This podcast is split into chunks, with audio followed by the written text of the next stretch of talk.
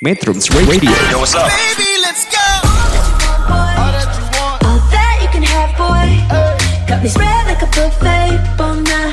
Now they always say congratulations. Come and strip that down for me. I'm on my way. Girl, come and strip that down for me. Yeah, yeah, yeah, yeah. Metrums Radio, media terintegrasi kaum muda. Selamat malam metronom, berjumpa kembali dalam acara Arah Pandang Bincang Ideologi dan Politik Internasional edisi Kamis tanggal 28 Juli tahun 2022 masih dari radio online Metro Bandung di bilangan Jati Handap Bandung. Pada edisi kali ini, seperti biasa, metronom selama satu jam ke depan akan bersama saya Desmond. Telah hadir bersama saya pada Kamis petang ini seorang pegiat sejarah, sebuah sejarah minat khusus, yaitu tentang sejarah Freemasonry dan bagaimana perkembangannya terhadap sosial politik di tanah air. Saya ingin menyapa narasumber kita, Kang Rizky Wiryawan yang akrab disapa Kang Rizky. Selamat malam Kang Rizky. Selamat malam Pak Desmond. Apa kabar? Baik, Alhamdulillah. Terima kasih berkenan membagikan waktunya buat metronom pada Kamis petang ini. Kang Rizky, Freemasonry ini banyak sekali kontroversinya di tanah air. Ada banyak tulisan tentang Freemasonry. Saya pernah melihat sebuah buku tebal judulnya Kitab Tarekat Bebas. Saya berharap metronom pada Kamis petang ini mendapat pencerahan dari Kang Rizky selaku peneliti sekaligus juga pegiat sejarah. Begitu Kang Rizky? Baik, siap-siap Pak Desmond. Baik Kang Rizky, eh, kami juga ingin menyampaikan kepada metronom bahwa untuk mendengarkan siaran radio Metrum, silahkan mengunduh aplikasi Android Metrum Radio di Play Store Metronom pada tautan bit.ly slash Metrum Radio, satu aplikasi menjelajah berbagai platform.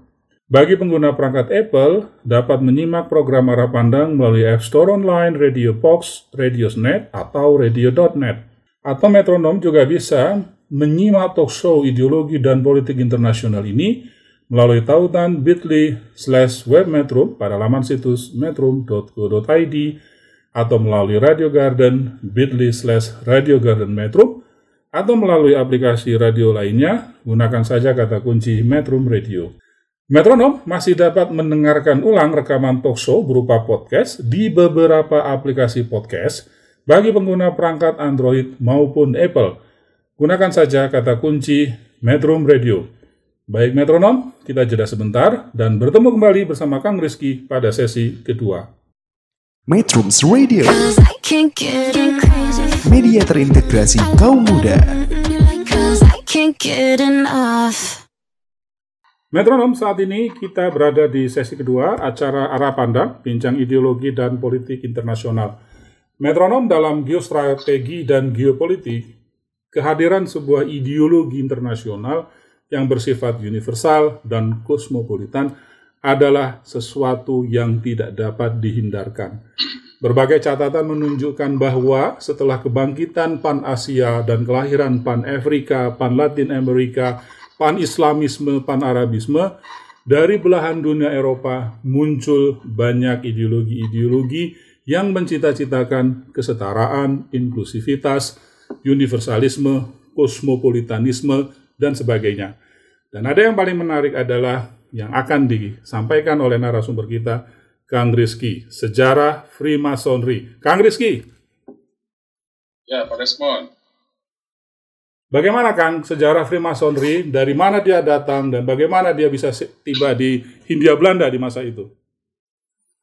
Oke, ini mungkin sejarahnya akan agak panjang ya. Mhm. Cuman akan saya coba singkat saja. Jadi memang kalau kita lihat sejarah Freemasonry itu kita akan lihat dua aspek ya. Ada secara historis dan secara legendary. Ya, Kalau legendnya ya Freemasonry sudah ada sejak zaman eh, nabi-nabi, sudah ada zaman apa namanya para filsuf zaman dulu ya. Mhm. Kemudian inspirasi para Mason yang membangun bangunan-bangunan eh, megah di Eropa. Tapi kalau kita bicara secara sejarahnya, legalnya ya baru berdiri tahun 17 17 ya di abad Mhm. 18 awal.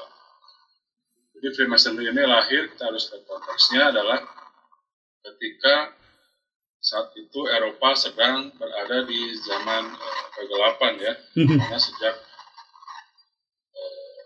Runtuhnya Roma. itu ya dikuasai oleh raja dan gereja ya. Ya. Hmm.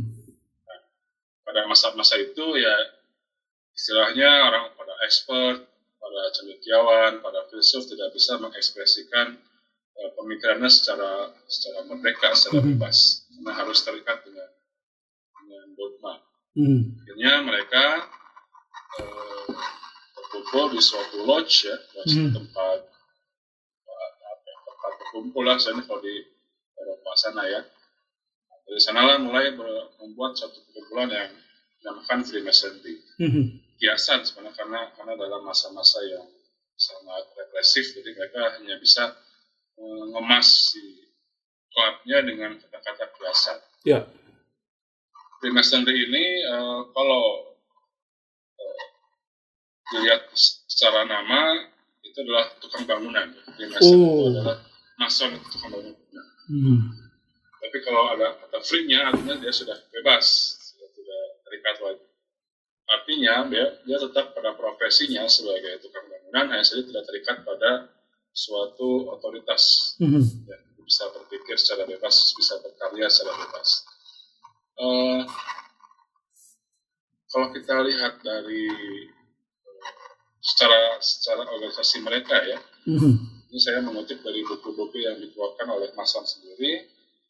Jadi disebutkan bahwa tujuan Mason adalah mem- menyempurnakan kepribadian kita. Ya, Hmm.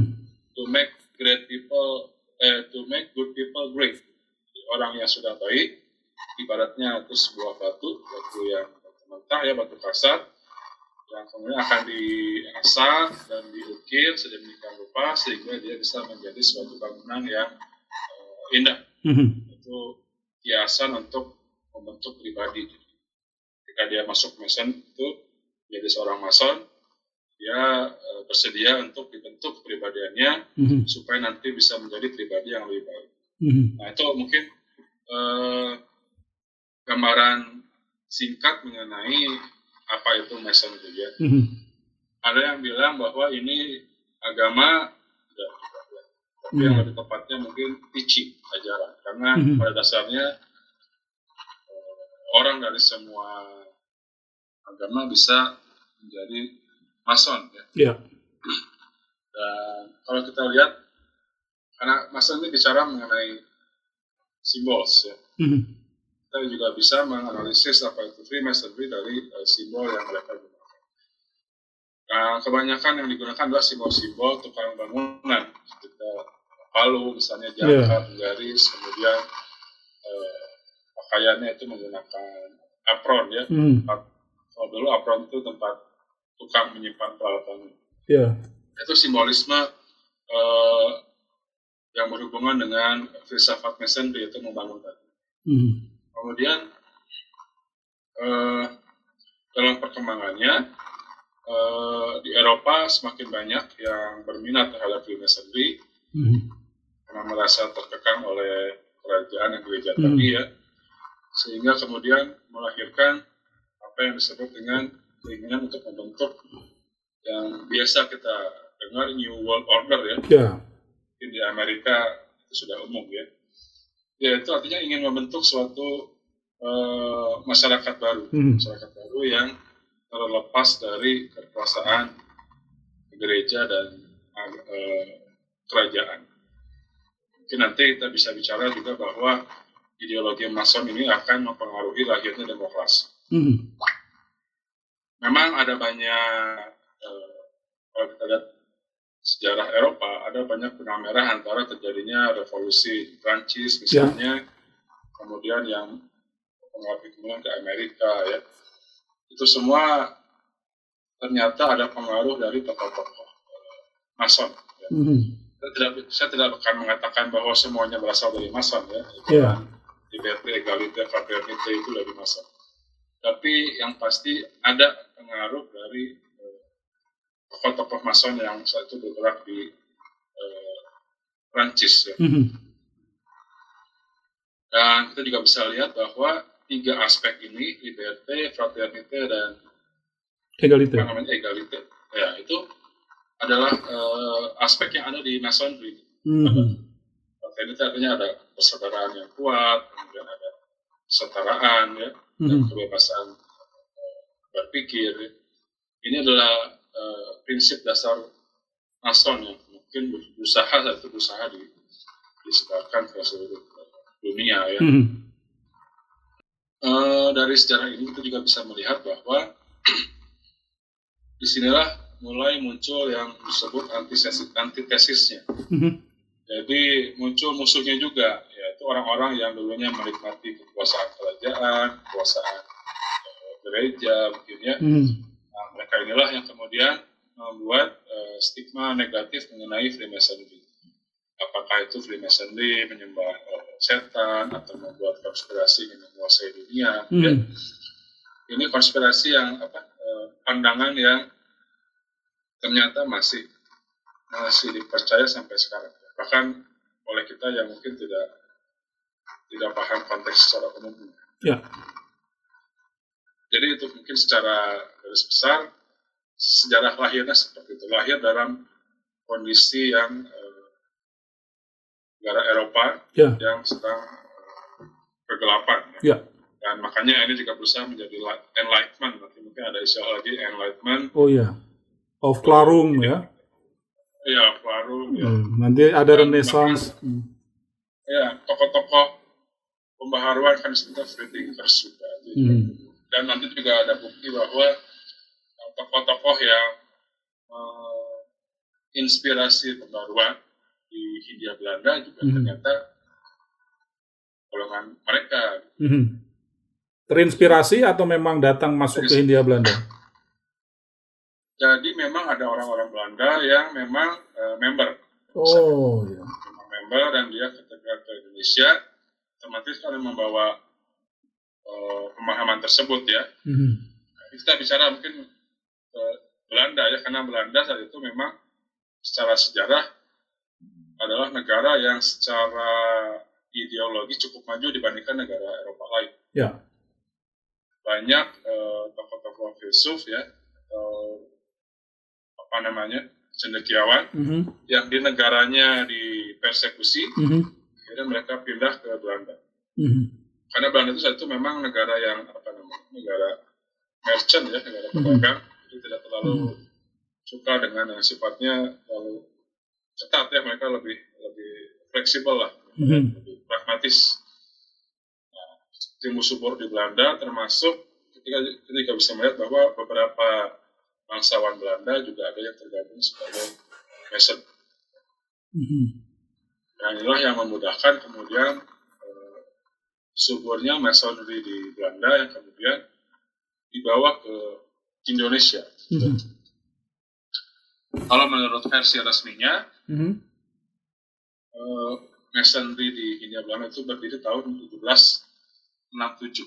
1767. Ya, itu, eh, itu merupakan pendirian dari loge pertama ya di, Di mana? Di Batavia? di Batavia.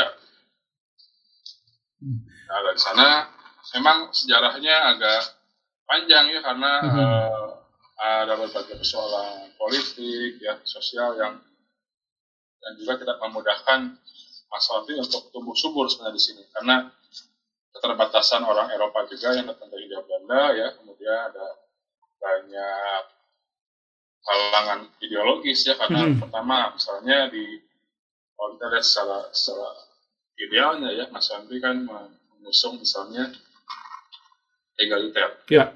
sedangkan di Hindia Belanda ini tidak bisa dipraktekkan egaliter secara ideal ya Ya. tetap ada norma sosial yang berlaku saat itu bahwa Mhm. Hierarki ya. Eropa harus ya kira orang Eropa orang eh, Timur kemudian orang Indonesia nah itu yang mungkin menjadikan masonry di Hindia Belanda tidak bisa beroperasi secara optimal ya ada tapi tidak terlalu terlihat eksistensinya Mhm. Kita juga bisa melihat bahwa eh, waktu perkembangan yang cukup maju itu mungkin baru berlangsung di menjelang abad 20. Mhm.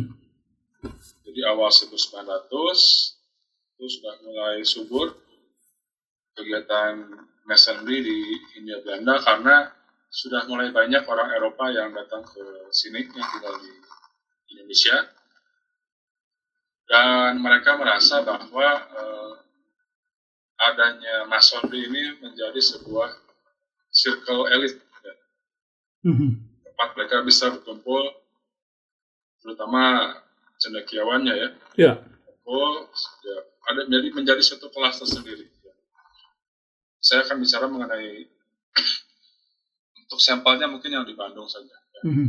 Lodge Bandung ini namanya Lodge Sinian, berdirinya di akhir abad eh, 19, 1890-an ya. Mhm. Kalau kita melihat membernya, memang kebanyakan terdiri dari eh, pejabat ya, kemudian militer dan tokoh-tokoh eh, cendekiawan ada beberapa eh, perintis ITB misalnya yang, yang mungkin berkumpul di Silian untuk eh, membicarakan pembangunan eh, teknisi high school. ya. Mhm. Dan ini juga sudah sudah terkonfirm ya saya pernah ngobrol Halo. eh, orang sini yang yang, Hmm. yang pindah ke Belanda ya Ya, ya lanjut. ya dia juga mengakui bahwa bahwa di Xinjiang ini ada menjadi diskursus eh, sosial dan budaya dan kita juga bisa melihat bahwa lodge ini hampir di semua eh, di semua Hindia Belanda di seantero Hindia Belanda itu berlomba untuk melakukan aksi sosial di Bandung misalnya mereka mendirikan yang namanya eh, bibliotek ya. Mhm. Jadi perpustakaan terbesar yang ada di Bandung itu sebenarnya dirintis oleh Masonry yang Mhm. adanya di Lodge Sinian. Kemudian mereka juga yang membuat Frobel School sama anak-anak yang sekarang jadi Museum Kota Bandung. Mhm. Kemudian mereka juga mengadakan misalnya eh, apa namanya berbagai aksi sosial ya. Kemudian juga Pro Juventud jadi me- mendidik anak-anak muda atau orang-orang yang kesulitan. ya. Jadi banyak sekali aksi sosialnya yang dilakukan soalnya karena ada tiga aspek dalam masonry yang yang yang khas ya, Mhm. yaitu eh, spiritualnya atau ritualnya, Mhm. kemudian ada fraternity-nya, persaudaraannya, Mhm.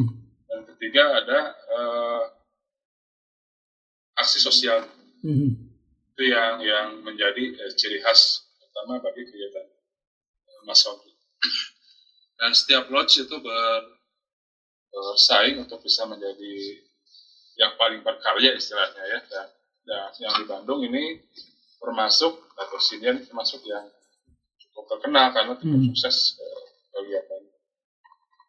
Baik. Baik, terima kasih banyak Kang Rizky. Ini gambaran Ya. sejarah Freemasonry dari sejak lahiran. Baru secara garis besarnya seperti itu. Ya. Mhm.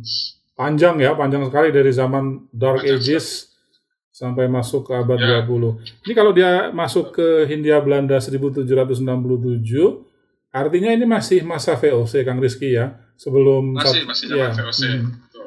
Dan men- kita juga bisa melihat Mhm. bahwa ada beberapa tokoh VOC juga yang sebenarnya anti penjajahan ya. oh ya, seperti uh, Dick Van Hogendorp ya Hmm. kita kenal orang yang cukup kritis terhadap kebijakan kolonial Mhm.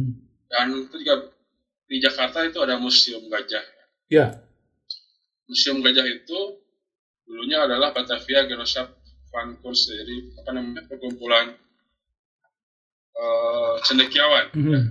klubnya cendekiawan di sana dan pendirinya adalah Rademacher Rademacher ini adalah mason juga Hmm. dan saya juga baru membaca satu satu paper ya lupa namanya yang nulis dia me- membuat kesimpulan bahwa kemajuan sains di Hindia Belanda termasuk di bidang antropologi ya itu tidak bisa terlepas dari peran Mason. Mhm. Ya, ya. Memang eh, mungkin secara secara sosial atau secara politik tidak terlalu terlihat ya, tapi Mhm. dalam hal sains, dalam hal eh, kemajuan ilmu pengetahuan, mereka cukup punya andil. Baik. Baik, tahan dulu di sini Kang Rizky. Nanti kita lanjutkan kembali di sesi kedua. Metronom, jangan ke mana-mana. Kita akan berjumpa kembali di sesi ketiga. Metrums Radio, media terintegrasi kaum muda. Metronom, kini kita telah berada di sesi ketiga acara Arah Pandang, Bincang Ideologi dan Politik Internasional.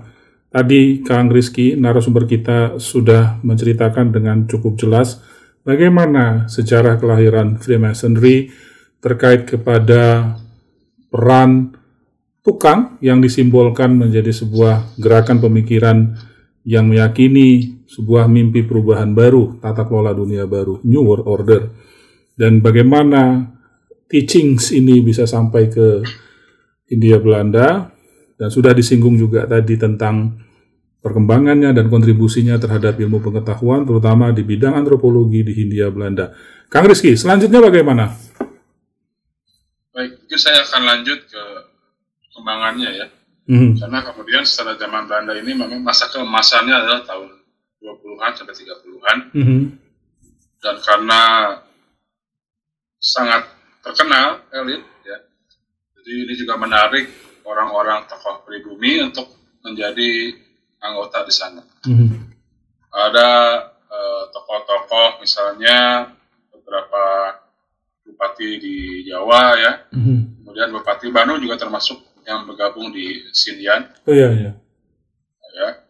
Dan eh,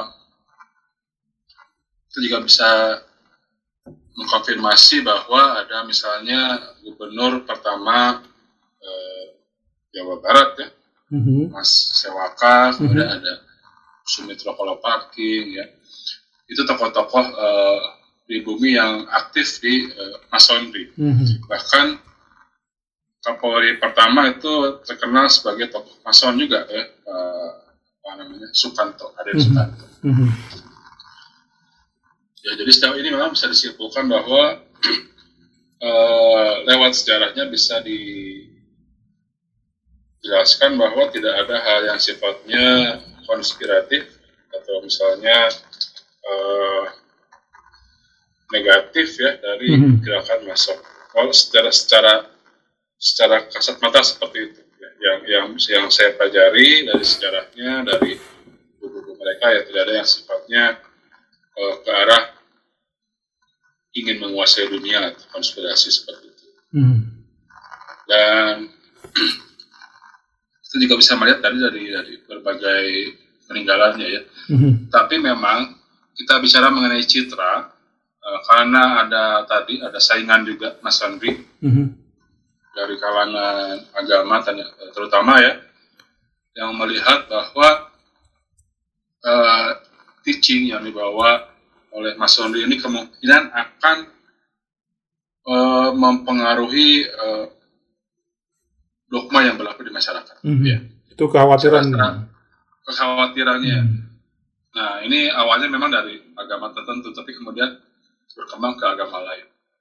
Nah, di Indonesia ini salah satunya terlihat dari buktinya dengan penyebutan gedung setan untuk eh, lodge. Ya. Mhm. Jadi ada banyak lodge di Hindia Belanda yang oleh masyarakat dijuluki gedung setan.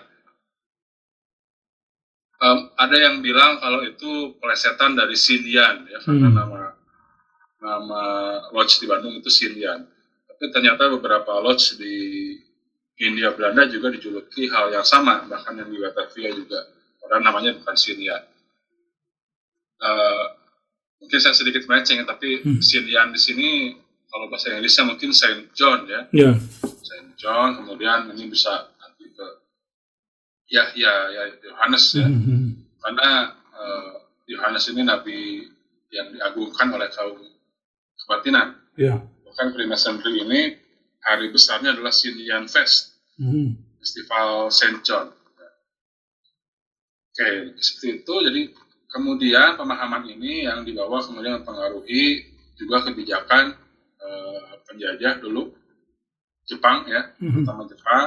Dan ketika Perang Dunia, grup Jerman, Jepang, Itali itu termasuk yang menjadikan masonry sebagai musuh utama ya, Mhm. bisa bisa di bisa di memang masuk akal ya, karena mereka adalah negara fasis yang tentunya tidak akan eh, mentolerir adanya pemikiran eh, masonry yang Ya. liberal. Ya. Mhm. Jadi ketika mereka menyerang suatu negara Eropa, maka yang menjadi eh, target utama ya selain Jews adalah masonry juga. Mhm. Ini yang kemudian dipraktekkan juga di Indonesia. Jadi ketika Jepang datang ke Hindia Belanda, eh, karena sebenarnya daftar member Mason ini bisa diakses untuk umum ya, Mhm. jadi tidak tidak seperti bukan bukan suatu hal yang rahasia. Yang rahasia adalah ritualnya ya. Kalau tapi kalau identitas membernya itu bisa terbuka untuk publik. Nah, ketika Jepang datang, eh, ini semua mason yang sudah di list ya karena Jepang sudah menjadi mata-mata sejak beberapa tahun sebelumnya Ya. Langsung ditangkap ya, dan semua kegiatan mason otomatis berhenti. Dan orang-orang mason ini eh, menjadi tahanan nomor satu tempatkan di Baros, di camp Baros di Cimahi, Mhm. di mana mereka mendapatkan ya perlakuan yang paling kejam istilahnya dari Mhm. Jepang. ya. Dan termasuk di Belanda juga sama Jerman itu ya orang-orang Mason juga di- dibunuhi. Gitu. Dan kita juga di Cimahi ini ada beberapa riwayat yang menyebutkan bahwa di sana ada lodge darurat namanya. Jadi anggota-anggota Mason di sana untuk bisa tetap berkegiatan, maka mereka bikin semacam lodge darurat Mhm. ini yang cukup menarik karena eh, untuk menjaga supaya tidak ada orang orang penjaga yang mencurigai. Jadi di depan ruangan itu dia simpan member yang sakit itu anggotanya sedang sakit yang sakit Mhm. menular supaya orang Jepangnya nggak mau masuk ke dalam. Mhm. Dan ini me- hanya ingin menunjukkan bahwa dalam suasana tahanan ya, dalam suasana yang menderita mereka tetap menjalankan eh, ritualnya.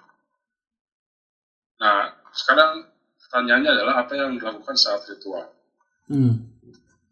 Kalau kita lihat buku-bukunya, apa yang dilakukan saat ritual pada dasarnya adalah semacam role playing, jadi pemba- permainan peran.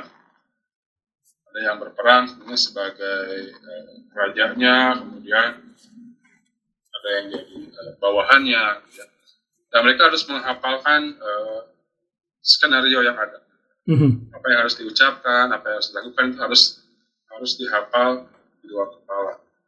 Ketika mereka sudah semakin lancar kegiatan itu, maka ada yang disebut dengan levels. Jadi ada tiga level ya.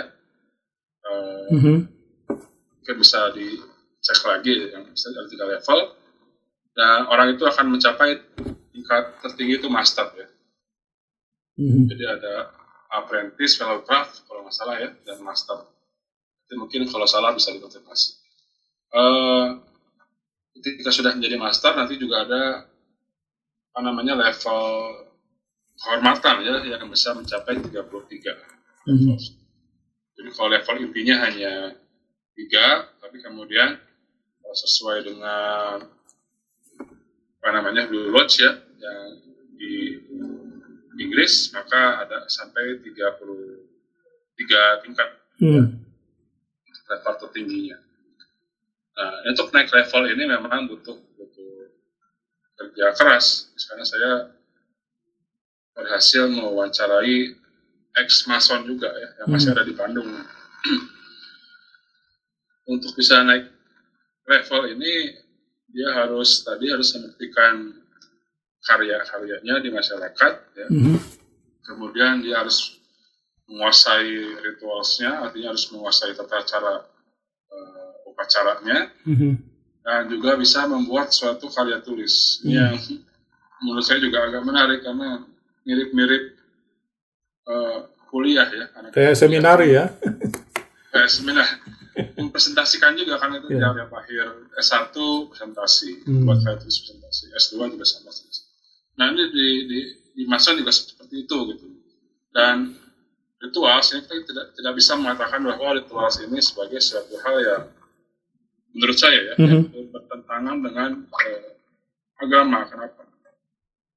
Karena pada saat ritual ini mereka akan me- menggunakan kitab sucinya masing-masing Hmm. di altar ya di Hmm. altar itu ditempatkan kitab suci masing-masing kemudian di tapi ada disimpan logo jangka dan segitiga ya dan ada Oh itu sebabnya ya.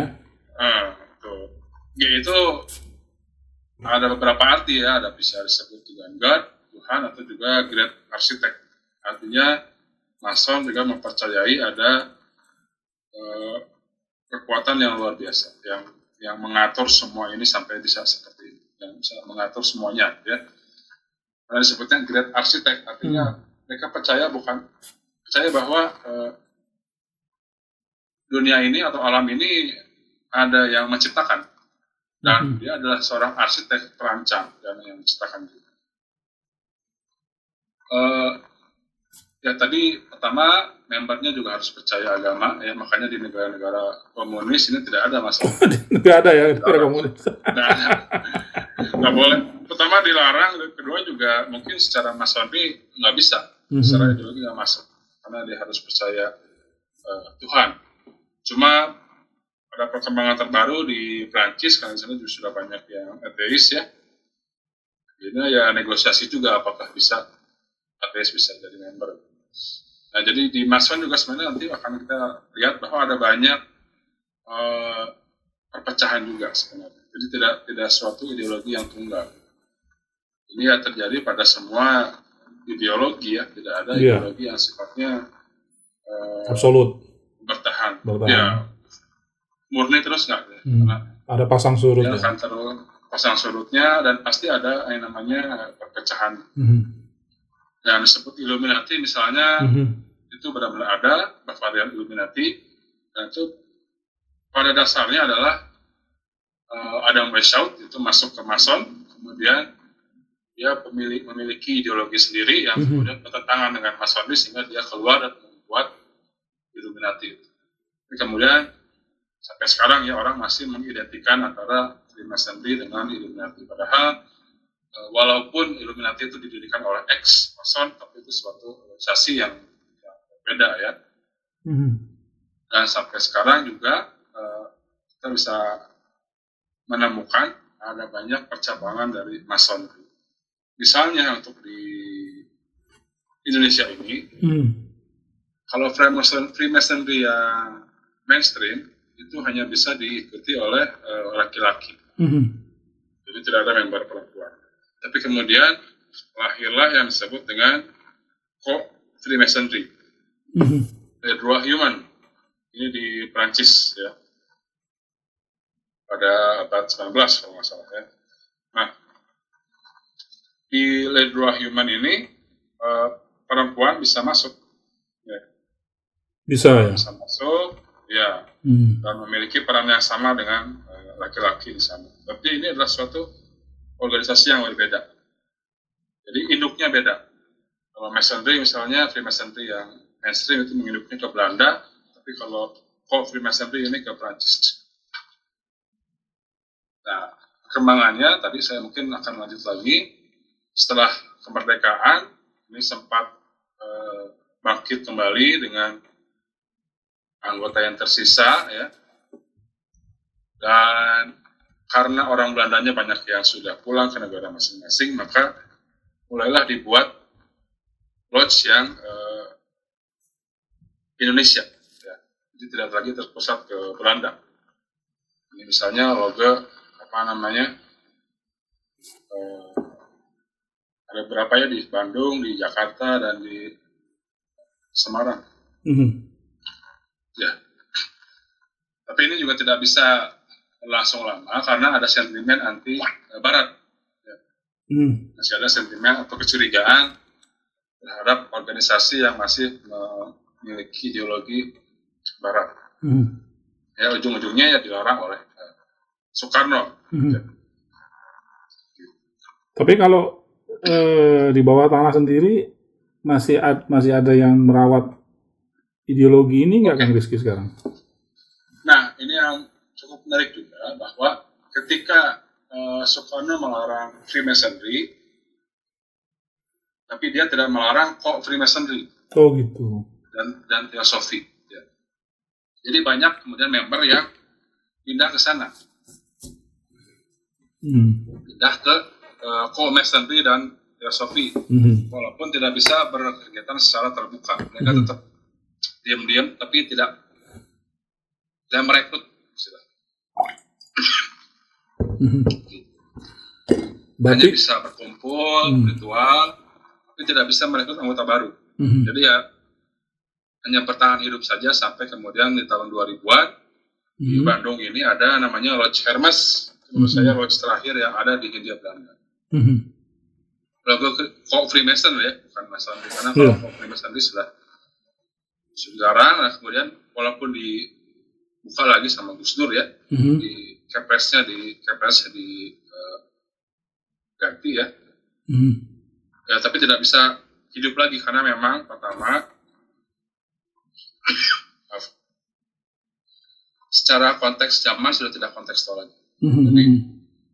Kalau zaman dulu orang butuh eh, suatu media untuk bisa berpikir secara bebas, untuk bisa Hmm. berekspresi, tapi sekarang informasi sudah bisa didapat di mana saja. Ya.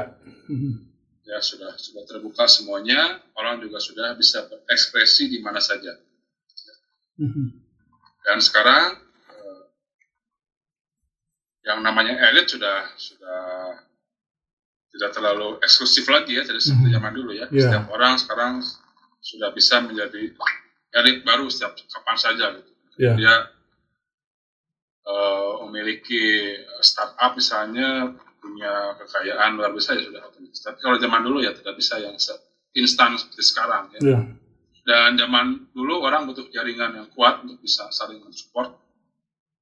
Kalau zaman sekarang orang bisa eh, secara individualis. Mhm. Ya ada ada perubahan intinya ada perubahan zaman yang menjadikan masonry ini tidak lagi populer saat ini dan tidak lagi kontekstual.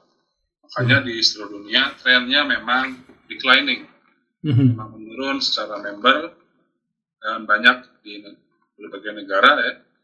Ini sudah jadi museum saja, Rothschild Ya. sudah jadi museum, walaupun masih mempertahankan aturan-aturannya ya, misalnya orang yang masuk harus pakai eh, pakaiannya misalnya.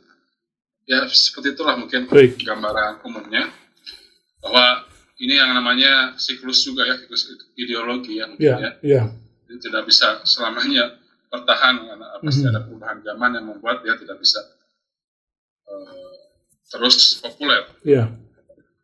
Ya kalau tadi mendengar penjelasan Kang Rizky di sesi sebelumnya, ekosistem kelahiran eh, ajaran ini, teaching ini adalah eh, masa zaman kegelapan di mana ada represi dari penguasa dan kemudian pada saat itu apa eh, kebebasan untuk berpendapat. Ini yang menarik ide liberalisme di dalam Freemasonry ini ada hubungannya dengan gagasan Adam Smith nggak? Kalau melihat tahunnya sama ya.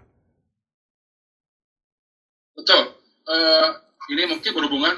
Saya ada papernya yang Mhm. menghubungkan antara nanti kemudian merkantilisme ya, Mhm. bagaimana Masonry berusaha. Karena kalau kita lihat sejarahnya, pendiri Amerika itu ada orang-orang Mason sebenarnya Mhm. yang punya eh, ikatan ideologi dengan eh, Prancis ya. Pada Mhm. saat itu Amerika berperang melawan Inggris, Inggris. Mhm. jadi dia disupport sama Prancis. Dan George Washington juga terkenal sebagai seorang Mason Mhm. dan beberapa orang yang merintis eh, deklarasi kemerdekaan di Amerika juga orang-orang Mason dan Hmm. ini juga yang kemudian kalau kita lihat sejarahnya akan berpengaruh juga ke dalam eh, paham tadi ya merkantilisme, Ya. Mhm. kapitalisme ya, Mhm. akan sangat berhubungan eh, secara ideologi ya. Ya, Kang Rizky, saya juga saya menduga-duga apakah Santo Thomas Aquinas juga eh, punya pandangan seperti itu karena Santo Thomas Aquinas di zaman kehidupan dia itu cukup visioner ya. Menolak dominasi apa kungkungan gereja dan mendorong keterbukaan Eropa pada saat itu.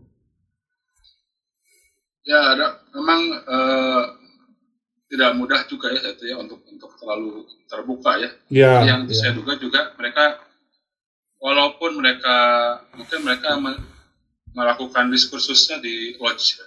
Mhm. tapi kemudian mereka me- menumpahkan pemikirannya dalam bentuk lain. Mhm. Ini saya ambil satu case saja. Mhm. Mungkin kita mengenal nama Jung Hoon ya. Ya.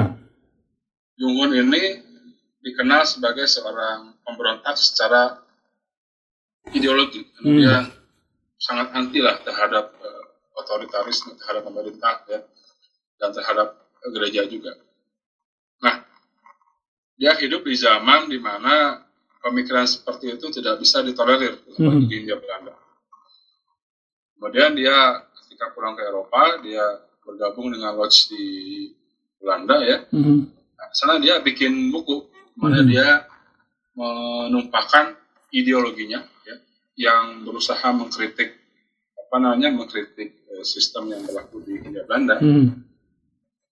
dan dalam bukunya itu dia berusaha me, me- me- memix ya Mhm. antara kekuatan dari eh, tradisi dan eh, barat. Jadi Mhm. menurut dia Hindia Belanda ini akan maju jika eh, mengadopsi sains dari eh, barat misalnya seperti itu. Mhm. Itu pemikiran dia ya.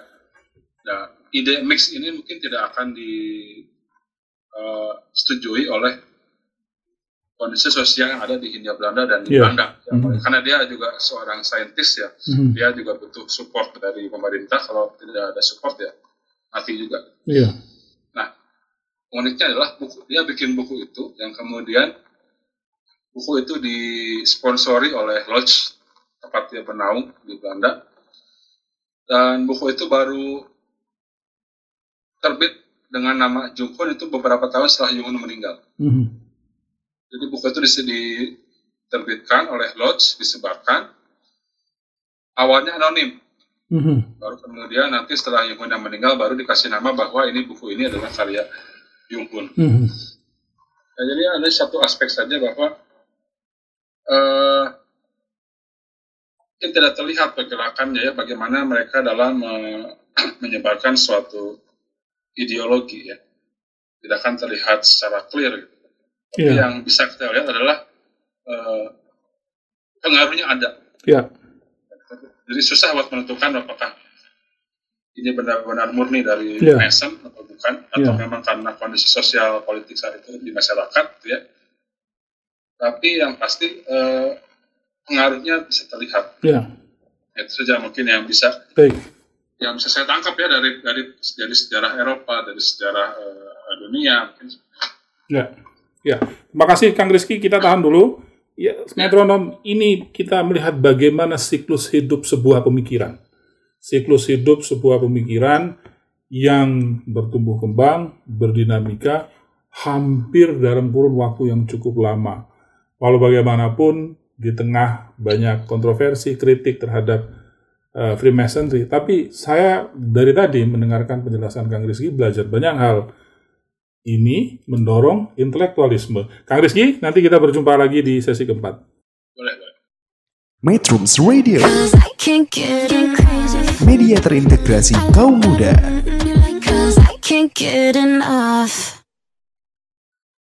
Metronom, tibalah kita di penghujung acara Arah Pandang, Bincang Ideologi dan Politik Internasional.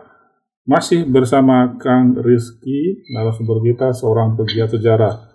Tadi di sesi ketiga, sudah banyak yang diulas dan diungkap, banyak hal menarik dan hal yang betul-betul baru buat saya dan juga metronom dalam memahami jalan pikiran Freemasonry. Dan mau nggak mau, suka tidak suka, kita harus mengakui bahwa sebagai sebuah pemikiran, sebagai sebuah ideologi, sebagai sebuah teaching, ini bisa bertahan cukup lama menghadapi berbagai perubahan konteks dinamika zaman sampai akhirnya pada hari ini harus terus bertahan dengan lingkungan dan ekosistem yang tidak lagi sama dengan zaman kelahirannya. Kang Rizky, apa yang bisa kita pelajari dari met- eh, sebagai seorang warga negara Republik Indonesia, pendengar Radio Metro, warga Bandung, Ya. dari eh, cerita malam ini? Ya, yang saya alami memang eh, bisa saya tangkap ya, bahwa kita harus pertama kritis kalau kita belajar sejarah ya. Tidak bisa mempercayai apa saja yang kita terima dari tangan dari pandangan pertama ya, karena semuanya harus selalu dikonfirm. Ini juga mungkin yang dialami sama saya dan beberapa orang lain ketika pertama kali mendengar kata Freemasonry, mungkin yang terbayangkan adalah hal-hal yang sifatnya menyeramkan ya, konspiratif, dan eh, evil pokoknya. Dan ternyata kalau setelah setelah setelah saya kita pelajari sejarahnya, dipelajari juga kemudian eh, karya-karya mereka, ternyata tidak, tidak sampai kepada hal-hal yang seperti itu. Di balik eh, segala kontroversinya, Masonry itu berusaha untuk melakukan suatu hal positif. Hmm. Saya mungkin akan mengutip eh, ucapan dari Carpentier Alting ini tokoh Mason Grandmaster Belanda yang kemudian menjadi dewan eh, kurator ITB. ya. Mhm. Katanya dengan mengingat kepentingan manusia seluruhnya sebagai tujuan akhir, maka seorang mason sadar bahwa manusia di dunia ini adalah kesatuan yang terdiri atas perorangan Mhm. Ya. dan adalah hal yang utama untuk memperhatikan kemajuan seseorang agar semuanya dapat maju. Mhm. Ini intinya supaya masyarakat bisa maju, maka yang harus dibentuk awal adalah orang-orangnya dulu. Mhm. Itu menurut menurut Mason ya. Jadi Mhm. eh, kita, kita tidak bisa mengharapkan suatu masyarakat yang modern, yang maju, jika tidak mendahulukan dari eh, kesempurnaan dari setiap pribadinya, perbaikan diri dari setiap pribadi. Inilah yang dilakukan oleh sebenarnya semua sistem pendidikan kita, Ya. dan terutama di, di Mason ya, karena mereka berusaha untuk menyempurnakan setiap pribadi yang ada. Dan karena konsepnya adalah good uh, man to be great, mereka hanya menerima orang-orang yang baik, kemudian dibentuk menjadi uh, lebih sempurna istilahnya, yang Iya. bisa lebih banyak berkarya di masyarakat.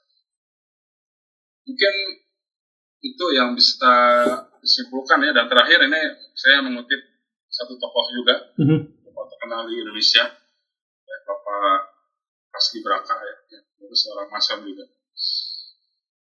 Ini menurut saya agak dalam juga kalimatnya. Ya, Dia bilang suatu dunia eh, mengerti adalah kebahagiaan. Singkat tapi menurut saya dalam sekali mencakup mungkin mencakup Ya. semua ideologi mason apa eh, mengerti adalah suatu kebahagiaan Kebahagiaan. bahwa kita bisa melihat sesuatu dari berbagai aspek bisa melihat dari berbagai perspektif bisa membuka wawasan kita membuka eh, mata kita melihat seluas mungkin ya karena semakin kita melihat sesuatu dari satu perspektif kita sebenarnya sedang menjarakan diri kita kalau kita Ya. bisa membuka mata kita selebar mungkin nah, itu semakin membebaskan kita mungkin begitu Pak Desmond Baik, Kang Rizky, terima kasih banyak atas ilmu yang sudah dibagikan pada Kamis petang ini dari awal hingga akhir membukakan pandangan metronom, memberikan arah pandang baru kepada metronom, terutama tentang bincang ideologi. Metronom, demikian sesi keempat baru saja berlalu bersama Kang Rizky Wiryawan, seorang pegiat sejarah. Pada Kamis petang ini, kita sudah berbicara banyak hal tentang sejarah Freemasonry, dan pengaruhnya terhadap perkembangan sosial politik di Nusantara. Demikian sesi keempat baru saja berlalu, artinya perjumpaan kita harus diakhiri di sini. Semoga bermanfaat bagi metronom sekalian, terutama dalam menambah wawasan dan menentukan arah pandang. Kami mengucapkan terima kasih atas kebersamaan metronom selama sejam berlalu. Semoga sehat selalu. Sampai jumpa kembali Kamis pekan depan dengan topik-topik yang lebih menarik. Tetap stay di Metro Radio, media terintegrasi kaum muda dalam jelajah komunitas. Selamat malam. Metrums Radio All that you can have, boy. Got me spread like a buffet. Bon